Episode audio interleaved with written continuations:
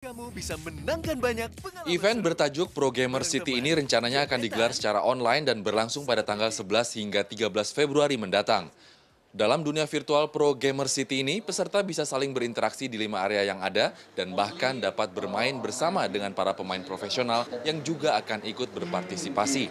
karena komunitas e-sport di Indonesia sangat besar, aku harap semua bisa bersatu di dalam game ini gitu loh. Jadi kayak berkumpul semua excitementnya di sini, terus karena kita kan keadaan lagi begini juga nih, dan ini tuh eh, ada dengan adanya program sini kayak bisa apa ya tetap membangkitkan excitement dan engagement gitu loh e-sport dengan para playernya. Keseruan di kota virtual ini juga akan diisi dengan game-game klasik dan tradisional yang akan dapat diikuti oleh para peserta.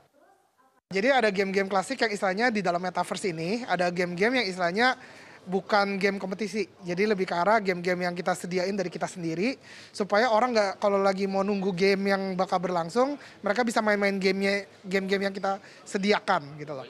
Eh, tarik tambang, castle, kecepatan dan istilahnya ini semua kalau kalian mainnya bagus, kita bisa redeem merchandise-merchandise yang kita sudah sediain.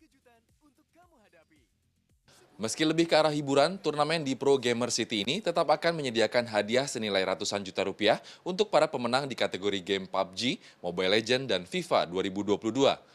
Panitia menargetkan turnamen e-sport dalam dunia virtual kali ini akan dapat diikuti oleh sekitar 20.000 orang peserta.